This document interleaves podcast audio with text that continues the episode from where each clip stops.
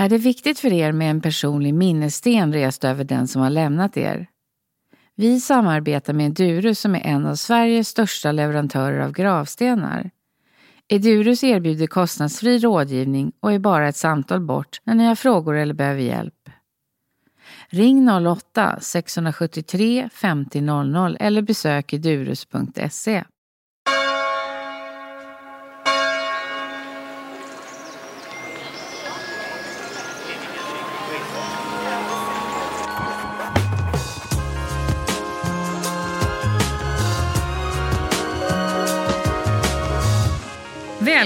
Helena von Zweigbergk. Tack. Eh, du är ju författare, journalist, mm. radioprofil. Och, ja, jag har ju lyssnat på dig genom, i Spanarna i jättemånga år. Mm.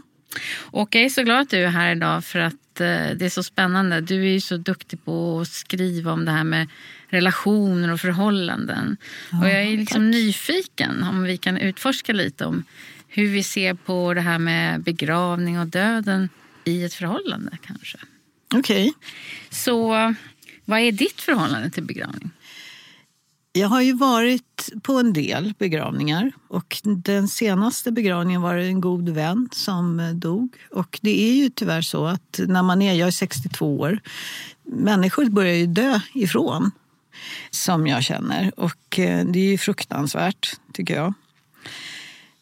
Jag tycker om att man har en begravning och jag tycker om att man eh, gör den personlig. Och sen har ju jag privata referenser vad jag tycker att en begravning ska vara. Det, ju, det har man väl alltid på något sätt. Att eh, Jag kan komma på mig själv. Jag lyssnade till exempel så finns det en Spotify-lista som heter Min begravning. Och det är något begravningsföretag som har satt ihop den. Och det är alltså de mest förfärliga låtar. Jag var helt förskräckt häromdagen när jag lyssnade på dem. Alltså jag kan förstå om man vill vara så lite skojig med Highway to Hell och sånt där. Men liksom, det var så många jobbiga slag. Det var så skojsigt. Då kunde jag känna så här, nej, kan man inte få vara lite stram på en begravning? Måste det vara så här? Varför tror du de hade gjort listan? Var det inspiration eller skulle någon ja, ta den? Det tror jag, nej, jag tror att det var inspiration. Att de ville väl hjälpa sina kunder mm. och eh, hitta någonting. Jag vet inte, ja, någonting sånt. Men eh, då kan jag känna att det finns en, möjligen en sån tendens att man ska liksom göra begravningar så pass personliga så att de eh, att det ska vara så här, vi ska våga skämta om döden. Och Det kan man ju göra. Men jag känner bara så här, måste man skämta just på begravningen? Nej. Nej. Och då tänker jag att det är en skräck för allvaret, möjligen. Mm. Men eh, ibland så när jag, liksom har, när jag tänker på min egen begravning, det är, ju, det är ju en hemsk tanke. Inte så mycket faktiskt i första hand att jag skulle ligga där och vara död, vilket förstås inte är kul. Men, men jag tänker framför allt på mina barn. Och så tänker jag, hur ska det liksom, vilken hemsk stund för dem. Hur ska de... Jag hoppas verkligen att jag är gammal så att de nästan tycker att det är lite skönt. Mm. Men jag vill ju inte liksom göra, jag vill inte göra dem ledsna. Eller man vill inte att det ska bli så här ångest över det heller. Det finns ju en viss begravningsmusik som är så oerhört dramatisk att det är nästan ångestladdat. Mm. Men hur tror du att du kan hjälpa dem då? Genom att vara engagerad i och planera? Ja, jag tänker, att, eh, jag tänker ibland på det. Ska jag liksom regissera mm. allting själv så att de slipper sitta och hålla på? Och, och det, det, kan ju finnas en fin tanke i det faktiskt. Att man ger det som en sista hälsning. Mm. Och så det, ni slipper fundera. Så här ska jag ha det. Mm. En stråkkvartett på hundra pers. Nej då.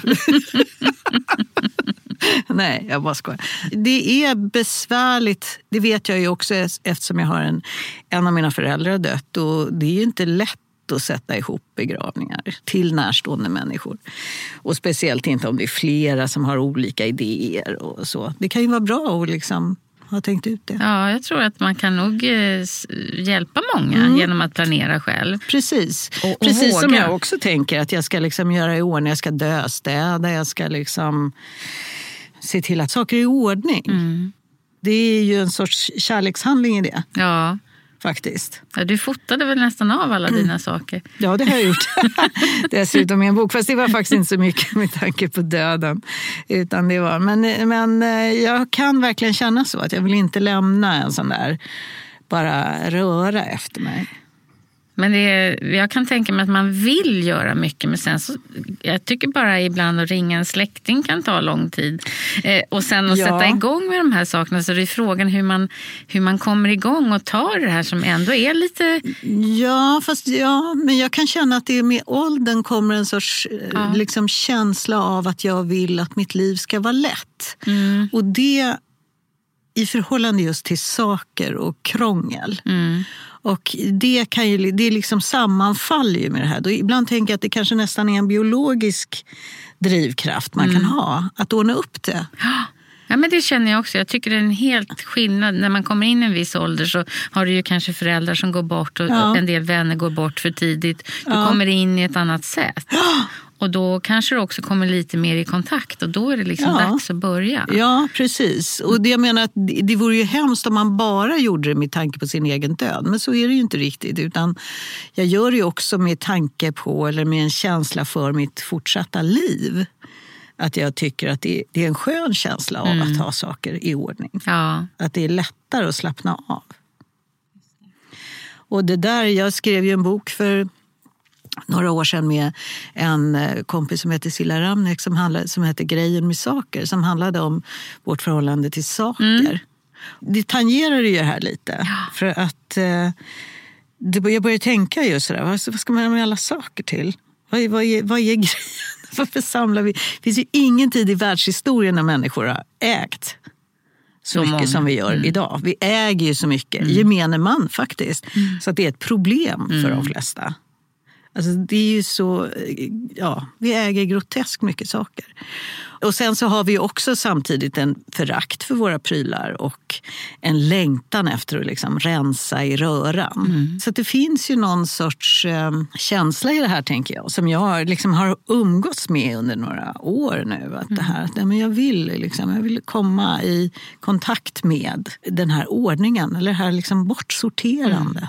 Ungefär samtidigt som jag skrev den här boken så gjorde jag om i mitt hem i köket. Att jag bytte plats på liksom skafferivaror och porslin. Bara så här tvärs över köket. Och då märkte jag så här att jag gick ju fel typ varenda morgon i säkert en månads tid. Att jag bara, ja ah, just det, det står här nu ja. Och då började jag tänka på det här. Det finns så mycket av det man har som bara sitter i kroppen.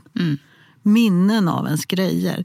Och då tänker jag att allt det här kaoset som ofta är, de här ostädade garderoberna eller de här källarförråden som man bara liksom blir trött när man ser. De sitter ju också i huvudet.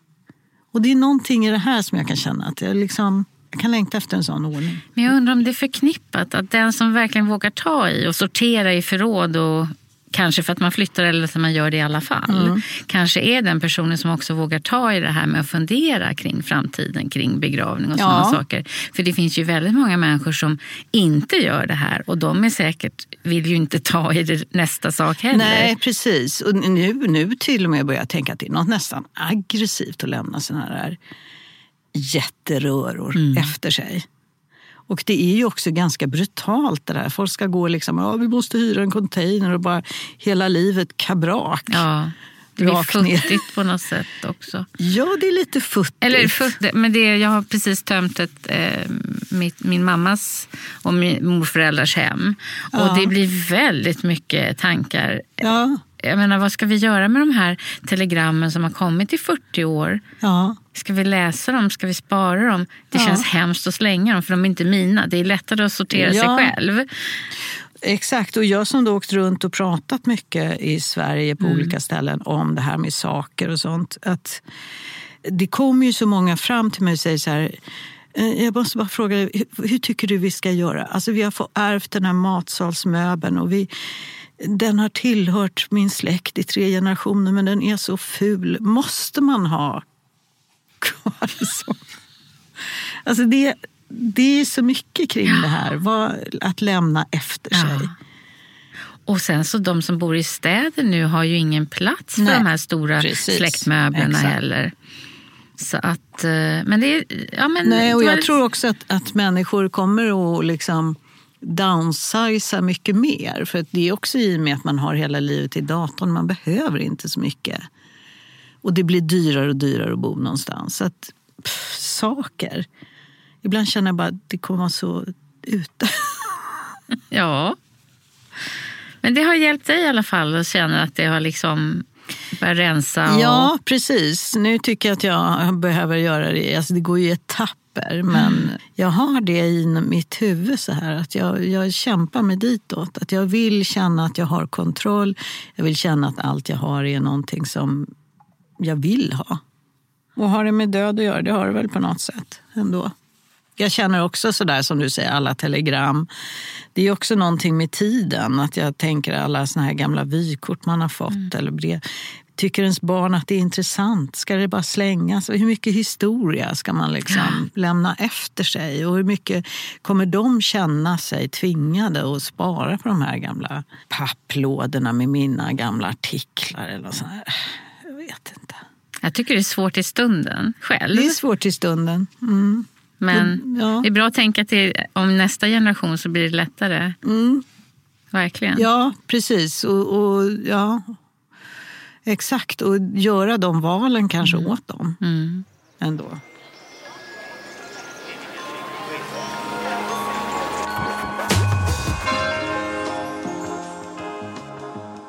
När du hör vänner och så, tycker du att de pratar eh, med sina föräldrar eller har pratat med sina föräldrar om hur de vill ha med sin begravning eller sådana saker? Att det är liksom också en sak som vi tar i mycket mer nu. Ja, liksom, det finns ju en eh, rörelse som är att man har mindre tabun idag överhuvudtaget att prata om saker. Och där finns väl även döden i viss mån. Mm. När jag växte upp då var det ju så här, ingen pratade om cancer. Ingen pratade, man pratade inte om... Man pratade, skulle liksom inte berätta varför någon hade dött. Och barn fick inte följa med på begravning. Nej, precis. Så var det ju. Och där har ju hänt väldigt mycket. Mm. Sen är det väl inte så... Döden är ju fortfarande sådär lite tabubelagd kanske.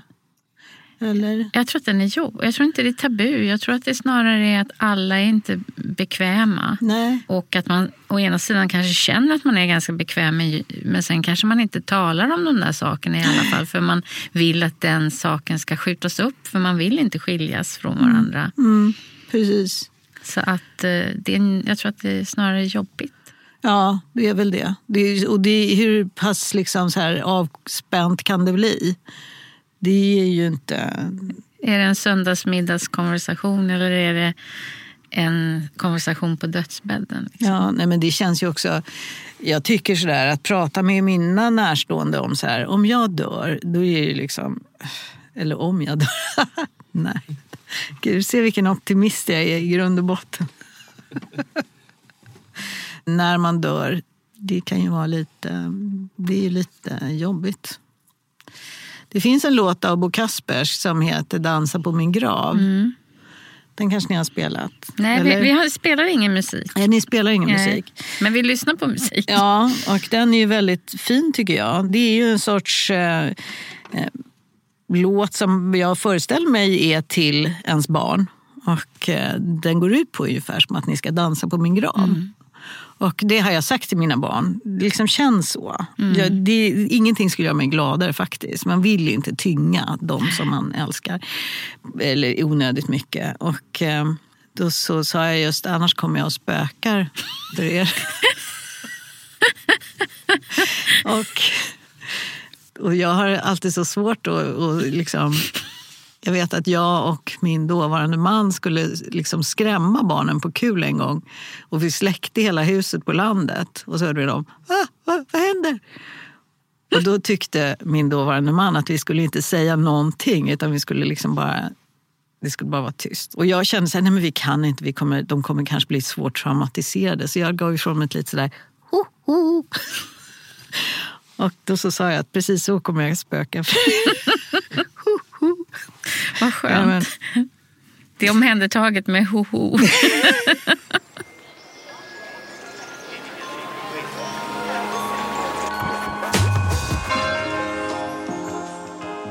hur känner du när du går på begravningar? Då? Om vi bara tänker på om många begravningar kanske är i kyrkan. Och, Mm. Vad tycker du om den här stunden som är, ofta är då en timme? Liksom? Ett liv och sen är det en timmes begravning. Det är ju så olika med begravningar tycker jag. Jag menar, om man till exempel som jag har varit är på en liksom ung människa som har tagit sitt livs begravning. Då är det ju liksom någonting som man bara känner, det här, det här ska inte finnas ens. Det går liksom inte att... Nej. Sen kan man gå på en äldre människas begravning och känna att det är, liksom, det är, det är någonting som är helt följdriktigt och ett liksom hör ihop med livets hela kretsgång. Eller liksom. Så det är därför jag menar, vad tycker jag om begravningsstunden? Det är så otroligt präglat av vad det är som har hänt eller på vilken sorts död det är. Mm. Och vem det är kanske. Och vem det är, absolut. Vem det är. Och det känner jag ju sådär att det finns ju människor som man liksom inte ens vill närma sig tankarna kring det. Nej. Och som man bara tänker att man aldrig vill uppleva. Nej, för jag tycker det, det är viktigt, att, tycker jag, att man känner att den personen som begravningsceremonin handlar om, att man känner att det är värdigt den personen. Eller om man säger att man celebrerar den personen, att man känner igen sig. Och då finns det ju mycket. Det är ju blommor, det är musik, det är stämning, det är rummet, det är alla människor. Det, det blir ju en kombination av väldigt många saker. Och det där är ju, är jag nyfiken på hur man får till det så att säga. För det är ju som du säger också, ibland kanske det är någon som avlidit som har flera familjer i sin familj. Ja. Ja, många ja, olika viljor. exakt. Det kan ju verkligen vara komplicerat. Ja. Och då tänker jag också så här, vem är begravningen för? Ja. är begra begravningen är ju för till de efterlevande. Mm. Det tänker jag. Och att det får inte liksom kännas för tungt det här att tolka någons, om det är någon som inte har lämnat några anvisningar eller någonting, att tolka den personen. Det blir ju det är ju ett väldigt ansvar. Eller liksom. Ja. Ja, nej, man får nog skriva en sån liten föreställning. ja, men jag brukar också tänka att det är klart att för någon som är designer, eller regissör eller liksom kreatör eller någonting så eller författare, så kan ju den personen liksom gå in i sin profession och tänka kring de här banorna. Men för de flesta är ju det här utelämnat till många olika människor, till begravningsbyrån och till många olika, till kanske om det är i kyrkan eller om det är en borgerlig begravning. Så jag är liksom, tycker det är intressant hur det blir till. Och sen så är det ju intressant om den personen som avlidit har haft starka önskningar. Om det märks eller inte, eller om det är bara också en del i kombinationen. För att ehm, om man tittar på bröllopet eller dopet eller andra saker så är ju det här en, det är liksom den sista avskedet eller festen eller vad vi nu vill kalla det. Jag tycker att det finns ju någonting i vår nutida kultur som är... Vi gillar ju jippon, känns det som, mer och mer. Att det är Events. eller- events, ja, precis. Och, att det ska liksom, och det är ju ofta väldigt påhejat kanske då av olika företag just som tjänar pengar på det här. Men många så här ceremonier, från studenten till bröllop till allt. Det ska gärna vara liksom jättetjusiga bilar eller blommor som ska trilla. Eller liksom, att det är man hittar på mer och mer grejer. Och jag har en känsla av att begravningar kommer liksom bli på samma sätt. Mer kanske. Ja. Att det blir mer events. Att det blir mer... om vi ser event som ett skällsord så nej, men Nej, men snarare alltså- mer att det blir eh, lite mer eh, planerat eller önskat skulle jag Mm. nog vilja. Ja. Och önskat menar jag i den att det finns en tanke, en röd tråd eh, som kommer fram. Mm. Att göra det möjligt för att den som har dött kanske har haft en idé Mm. eller hjälper de anhöriga. Det handlar ju inte om att det ska liksom sticka iväg för att jag menar, jag tror att du verkligen behöver ceremonin i sig Ja. och ordningen Ja. behöver du. Och det tror jag alla märker som planerar en borgerlig begravning måste ju ha någonting annat istället än den religiösa ordningen. Så då tror jag man ändå sneglar väldigt mycket på den för jag tror inte man vill göra någonting helt annorlunda. Nej. Utan det kanske, när jag säger tolkning då menar jag kanske ännu mer, jag hoppas att det stämmer, att det, tonen är rätt om jag säger så Mm, i begravningen. Jag tycker att det är fint om begravningar får vara allvarsamma. Ja. faktiskt. Mm. Och jag kan känna det där. Varför inte svarta kläder? Varför inte liksom... Varför inte... Det är ju sorg Ja. det handlar om. Sen, ja, kläder spelar kanske ingen roll, men, men ändå att det, att det får vara allvar. Ja, och att man vet ju själv att sätter man på sig en kostym så känner man sig på Mm. ett sätt jämfört med om man sätter på sig en sommarklänning. Ja. Så det är klart att det där också påverkar. Mm. Alla bitar liksom talar.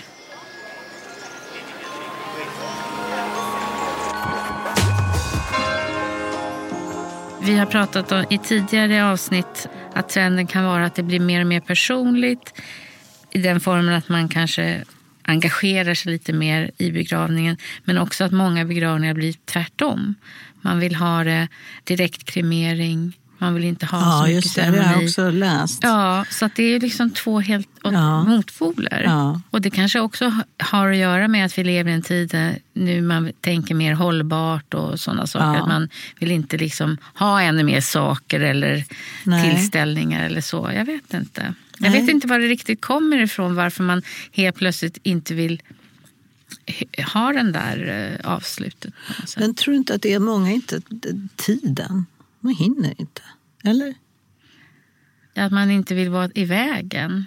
Och det är också så intressant, för jag menar om man tänker på människor som lever nu, gör ju allt för att få välja allting själv. Jag väljer vad jag vill ha på pizzan till vad jag väljer vad jag ska köpa. Och ska jag köpa en mobiltelefon så vill jag på det här och det här sättet. Att vi är så vana att klicka i och välja och vi får precis som vi vill ha det.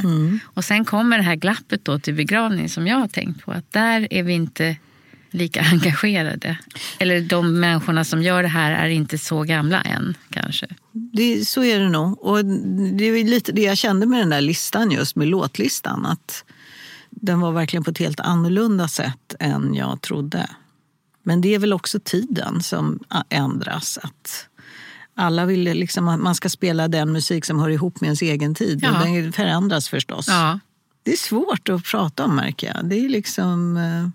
det är för att man inte har funderat så länge på Ja, det kanske. precis. Exakt. Jag tror att begravningen har också varit att det blir väl som en begravning brukar vara. Ja.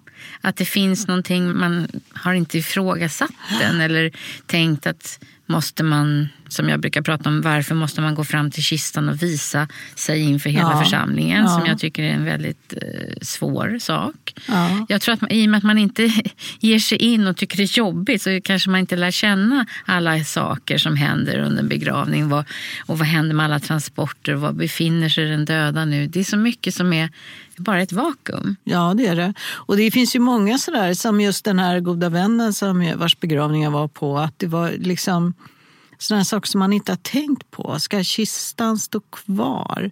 Ska den personen lämnas ensam i kyrkan? Det går ju inte. Att det blir liksom det här glidandet över till magiskt tänkande som blir automatiskt när någon dör.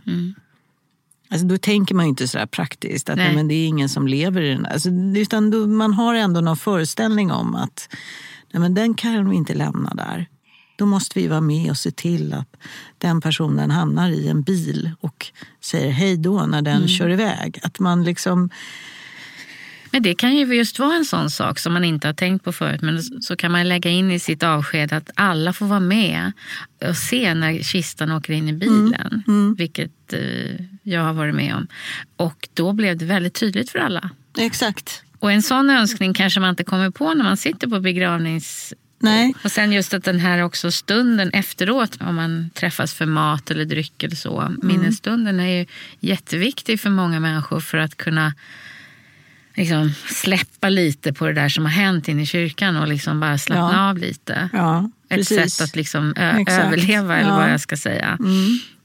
Och det kanske inte alla tänker på att det finns en jätteviktig process i det. Utan det är så här, det är klart, eh, vi har väl det då, för det har man ju. Det är väldigt mycket saker som är, är gjorda av en anledning som man inte tänker på. Nej, just det. Men du tyckte att det kändes fel det här att man defilerar och lämnar... Du tycker att det känns... eh, Jag tycker bara att det är väldigt utsatt, Ja. speciellt de närstående. Ja. Så tittar hela kyrkan och det har jag tänkt på själv. Nu har inte jag varit mest närstående. Men när jag ska ta det där snabba avskedet, för det är ju bara några mm, sekunder. Så kanske man är väldigt upprörd och, och så kanske man tänker mer på att folk tittar. En del gör ju det. Så finns det tydligen en präst här i Stockholm som gör tvärtom. Att man står med ryggen mot. Vad, är liksom, vad går det att rucka på? Och vad är det som är tradition och vad är det som bara blir för att det blir? Det Ja, tycker jag är det. intressant Ja. med det här med begravningar. För det är ingen som har tagit i det. Liksom. Nej. Så jag utforskar det bara. Ja, nej men det är klart att det är väldigt eh, utlämnande. Jag tycker i och för sig att det är väldigt fint att se när man sitter i en kyrka Ja. och se den ena efter den andra. För att det är ju också en sorts ja, vad ska jag säga, revy av vänner och så. att det är liksom att eh, man påminns om en krets på Ja. något sätt. Eller man lär känna en krets. Eller man får se en krets. Men det är klart att det kostar på. Men jag tänker att just det här, det är kanske sånt också som gör att fler väljer bort en begravning. För att även om det är någon som man känner så här, ja, men det är ingen, den där gamla fasten är ingen av oss som liksom, hon kremeras. Man behöver inte liksom, kanske göra den.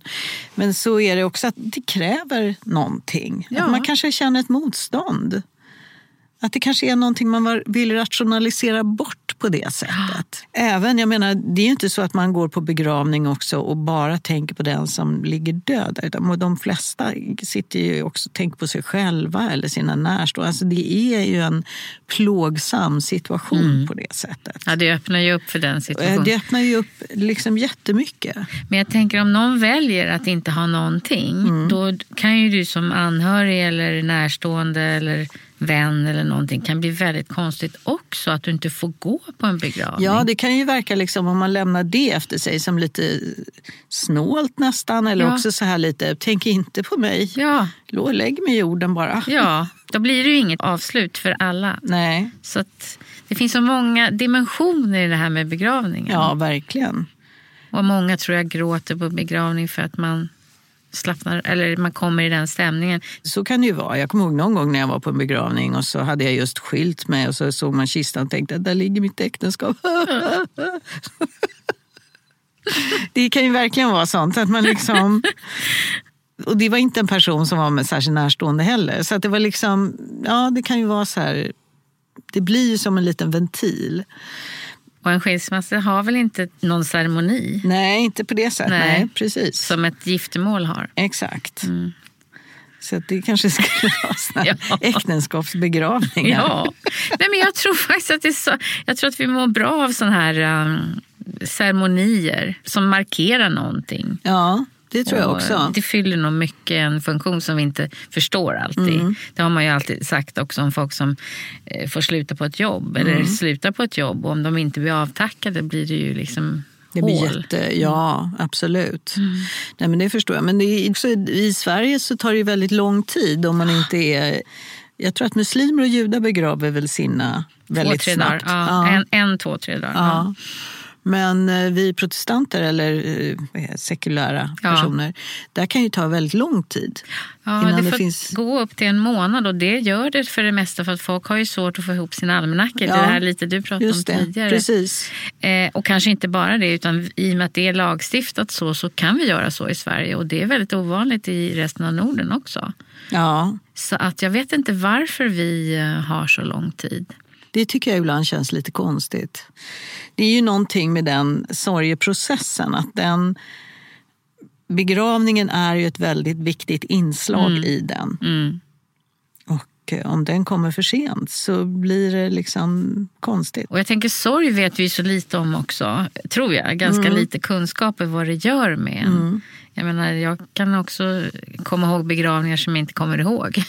Ja, Alltså, det händer ju saker med en när man råkar ut för såna här dödsfall eller chock eller ja det gör det förlorar någon. verkligen. Men ibland tycker jag att det, jag menar, det finns ju stunder man har begravt som jag har gjort några så riktigt gamla släktingar. och så. Då är det ju att man kommer ut och tycker att livet är vackert och det blev liksom ett bra avslut. Och det, då är det ju någonting som bara känns bra. Ja, så det är aldrig någonting som du har tänkt, eller som jag frågade förut, då sa du att det handlar så mycket om vem det är. Eh, om man är nöjd eller inte med begravningen. Och jag ibland tänker på vad jag säger, det var så fint säger man. Ja, det var så Man fint. man har inte så- man ofta. man har inte så fint. bred Nej, precis. Det repertoaren av vad man säger när man går ut ur en kyrka är verkligen vad fint det var, säger man. Fint det var, bra präst. Det känns ju inte som rätt tillfälle att klaga på föreställningen så att säga. Nej, nej, nej. Men det är svårt att... Vad är det man tycker är fint då? Man tycker att det är fint med eh, det som sägs. Det kan ju vara väldigt konstigt tycker jag ibland när man känner att en präst säger saker om en person som man vet då inte känner den personen och som kan säga saker som man är så här, va? Inför. Det tycker jag är konstigt. En del präster kan ju klara det där bra och säga liksom att jag har pratat med er och det här är några saker som har liksom kommit upp. Att det är mer tydligt så. Då är det ju bra. Men en del präster kan ju liksom nästan vara så här, den här personen som vi liksom begraver här var en generös... Och alla bara, eh, nej. Men nej, ja, det, är blir, inte bra. Nej, det blir inte bra.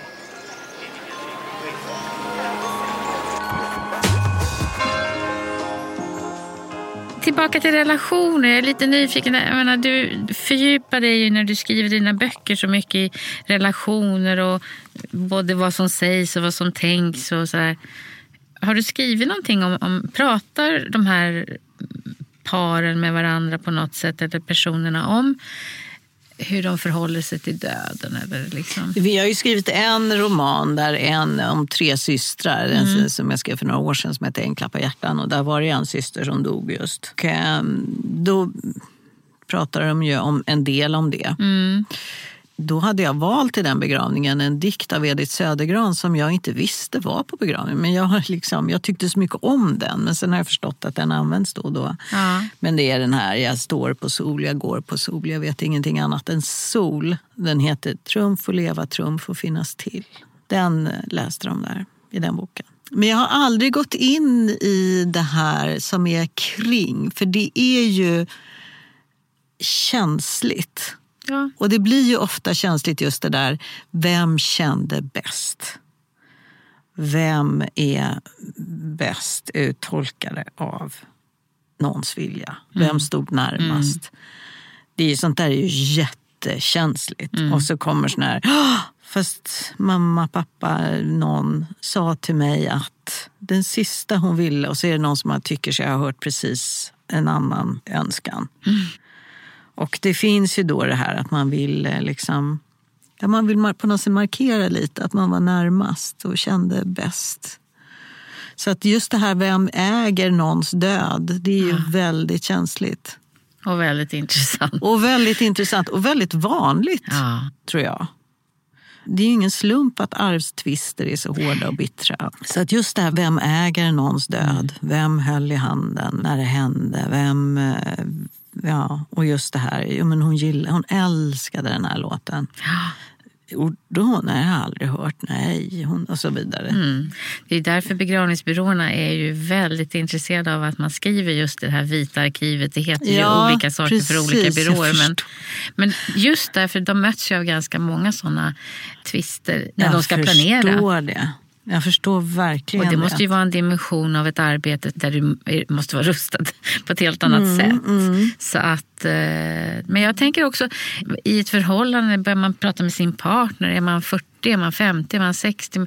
Man kommer ju aldrig tycka att man är till gam, liksom tillräckligt... eh, Det är inte dags att prata om det. Nej, precis. Man känner att det där med Vita arkivet och sånt Ja. skjuter man framför Ja, sig. Precis. är, nej, visst, absolut. Och det var det jag också tänkte på i de här romanerna. Du går ju på djupet hur man tycker om Ja. varandra. Men det blir ju också en dimension för ett par. Mm. Liksom, vem kommer att dö först? Ja. Och vad händer då? Och ska man begravas tillsammans? Och, och sen så det här med hur ska man ta upp det med sina föräldrar? Jag har haft många som har pratat med mig om hur, hur gör jag? Ja, det tycker jag är svårt. Jag har Ja. försökt nu på senare tid att fråga min mamma lite grann. Här. Just för att jag tänker att eh, den dagen så ska jag och mina systrar slippa och ha någon sorts diskussion. Ja. Utan att man verkligen liksom har saker och ting så tydliga och klara som möjligt. Men eh, det, hon är, jag tror att det hade gått tidigare, men nu är hon 92. Det är för nära. Sen är hon liksom lite virrig emellanåt. Men det är inte lätt. Du tror inte det har att göra med hennes generation? Att det var någonting man inte sa? Att man...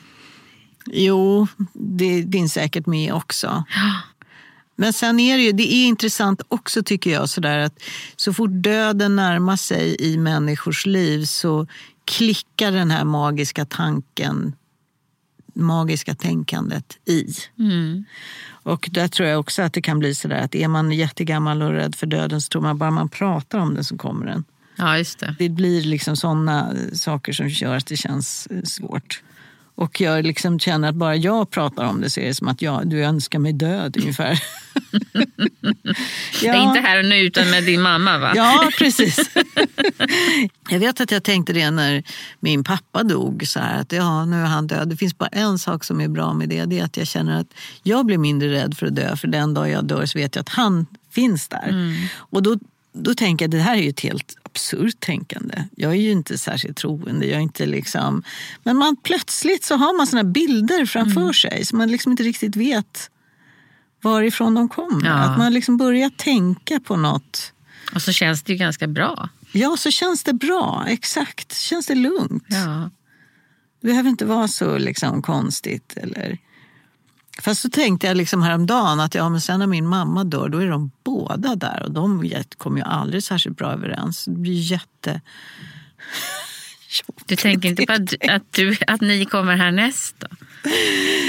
Ja, jo. jo, men jag menar det. Att det är liksom att den dagen jag dör och de båda två i himlen, då blir det Jaha, plötsligt okej. mycket så här, mer besvärlig situation än om bara han hade varit där. Okej. Det är ju helt, det är jättekonstiga tankar. Det är ju lätt att tänka så. Men jag kan känna att när jag tänker på död och begravning så blir jag liksom väldigt så här, ja, barnslig eller börjar tänka just så där barnsligt magiskt någonting. Eller magiskt bara helt enkelt. Magiskt. Det låter ju fint. Magiskt. Men det händer ju. Och det tycker jag är intressant när man tänker så här att religioner har ju funnits i alla folkslag i alla tider och att man har sett i hjärnforskningen att när saker och ting blir obegripliga då flyttas tänkandet upp till ett magiskt plan. Och därför så har det alltid funnits liksom riter, religioner och så. Över hela jorden, jämt, jämt, jämt. För att vi är konstruerade på det sättet. Och då kan man tycka i vårt sekulära samhälle och så vidare. Fast då märker jag ändå att när man tycker att någonting är obegripligt svårt känslomässigt, då hamnar man där. Som när man pratar om döden. Att då blir det väldigt liksom... Och då kan det plötsligt bli liksom så här jätteviktigt med någonting. Som just vilken låt som ska spelas. Det finns ingen som liksom harklar sig och säger men den här personen är död, vi kan faktiskt inte höra. Nej. Så tänker man inte då. Utan man har liksom Man laddat tror- ja, det på ja, något det sätt. Som att det är någonting som är oerhört betydelsefullt. Mm. Och den personen skulle bli oerhört sårad om den fick veta. När alla vet att det får den ju aldrig Nej. egentligen. Kanske. Om man inte, och så vidare. Men man glider in i Mm. ett eh, liksom, tillstånd av helt andra regler. För att klara av det kanske. För att klara av det, Ja, absolut. ja. För att klara av det och för att göra det till en sorts begriplig berättelse om vad som, vad som hände och vad som var. Många säger att ju mer vi talar om det här, ju rikare blir livet på något Mm, sätt. Jag menar, du, du funderar ju mer på ditt liv ju mer du liksom tar reda på om det. För att, Det är som jag älskar att gå på kyrkogårdar. ja, Alltså verkligen. Jag tycker om att liksom, jag korsa en kyrkogård på vägen hem. För att jag tycker att så fort man gör det så är det som att då kommer saker i ett annat perspektiv. Det är som att man liksom landar i någonting väsentligt. Att man får kontakt med någonting som är så här på riktigt.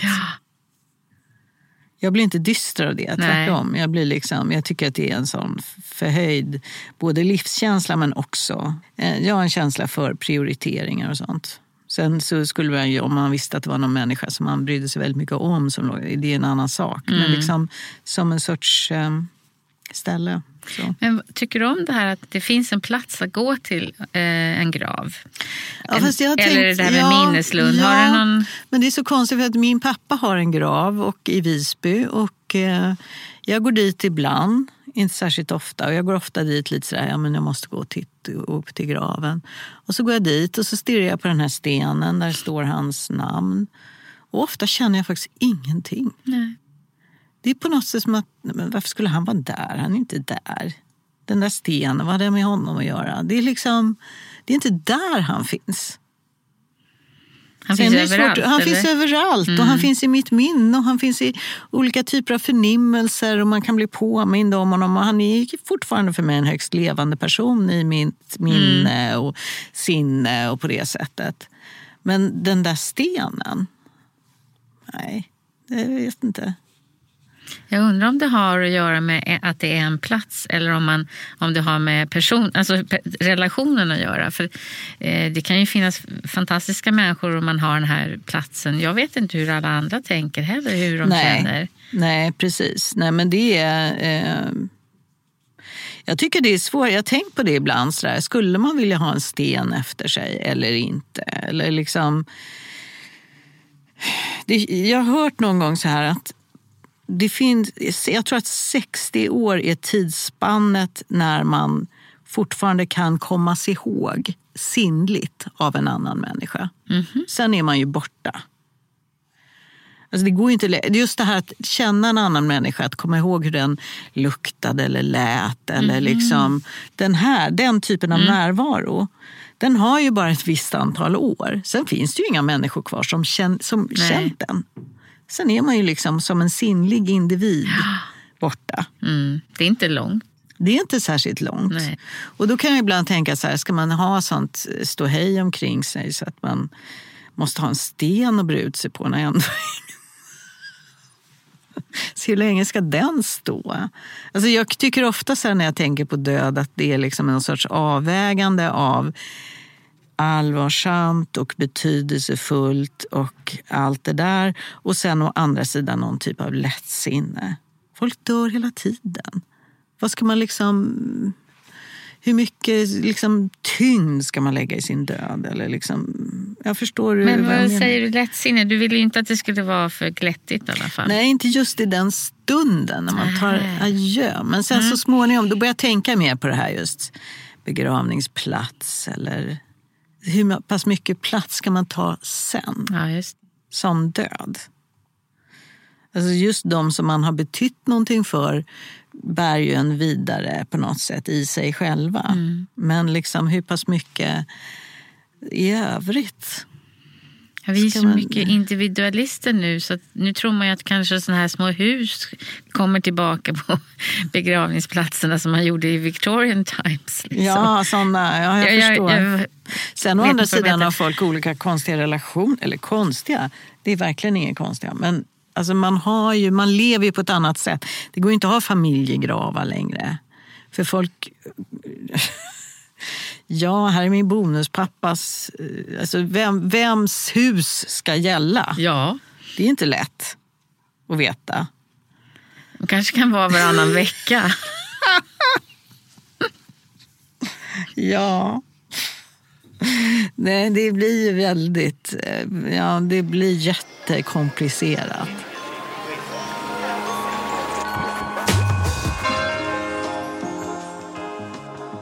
Tycker du att barn skulle kunna få ta del av det här med död och begravning lite mer, lite tidigare?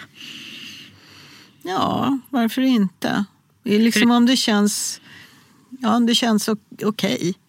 Jag tänker för de flesta har ju en referens bara när det kommer till döden och det är Astrid Lindgrens. Precis, vi ses i Nangijala. Ja. Ja. Det är bara den, Ja. tror jag. ja. Vi är ju konfronterade med död hela tiden genom nyheter. Mm. Men alltså att man hela tiden bara räknar upp hur många som har dött i olika länder. Mm. Det hjälper oss ju inte framåt. Men det jag ty- tycker som, som barn, det är mycket de inte får lära sig. Det kan ju allt från hushållsekonomi till död. Ja, ja, precis. Nej, men absolut. Nej, men det är ju någonting... Eh, jag tror att de är, alltså som barn är man ju väldigt, som var jag i alla fall, väldigt intresserad av döden mm. och eh, undrar mycket om döden. Och det är klart att man, jag tror att man är mer intresserad av att prata död möjligen. Då, ja, ja. än vad man är senare. Men jag blir alltid så nervös när det handlar om så hur man ska ta in barn. För att jag liksom kan känna ibland att det blir en sån här...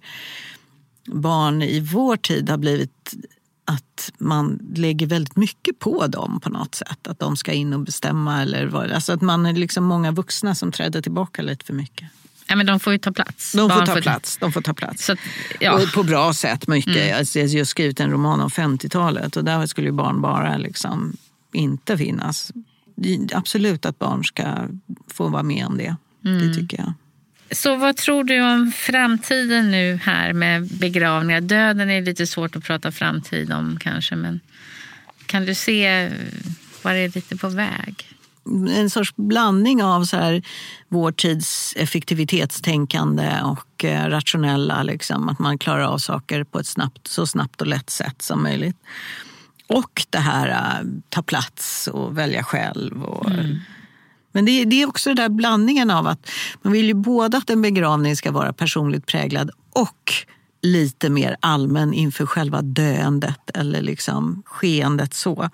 För att eh, det är ju lite så som man är som människa tycker jag. Att man liksom, just apropå det här jag sa om att man kan vara väldigt allvarsam och lättsinnig på samma gång så är det som att man har någonting i sig där man vill utmärka sig. Och sen tycker jag också samtidigt man har någonting i sig som gör att man vill ingå i liksom hela människans eh, villkor, mänsklighetens ja. villkor. Ja. Och de är väldigt lika ja. på många sätt.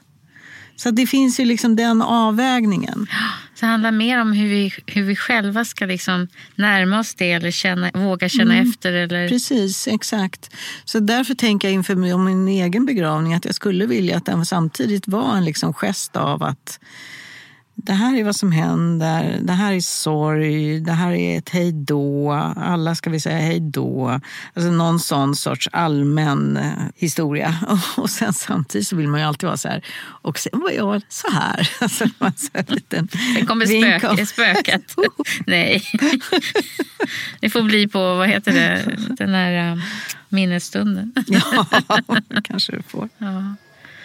Stort tack Helena. Mm, tack. Följ oss på Instagram, min dog min begravning podcast. Om du undrar någonting eller vill veta mer så hör av dig på info at min dog min begravning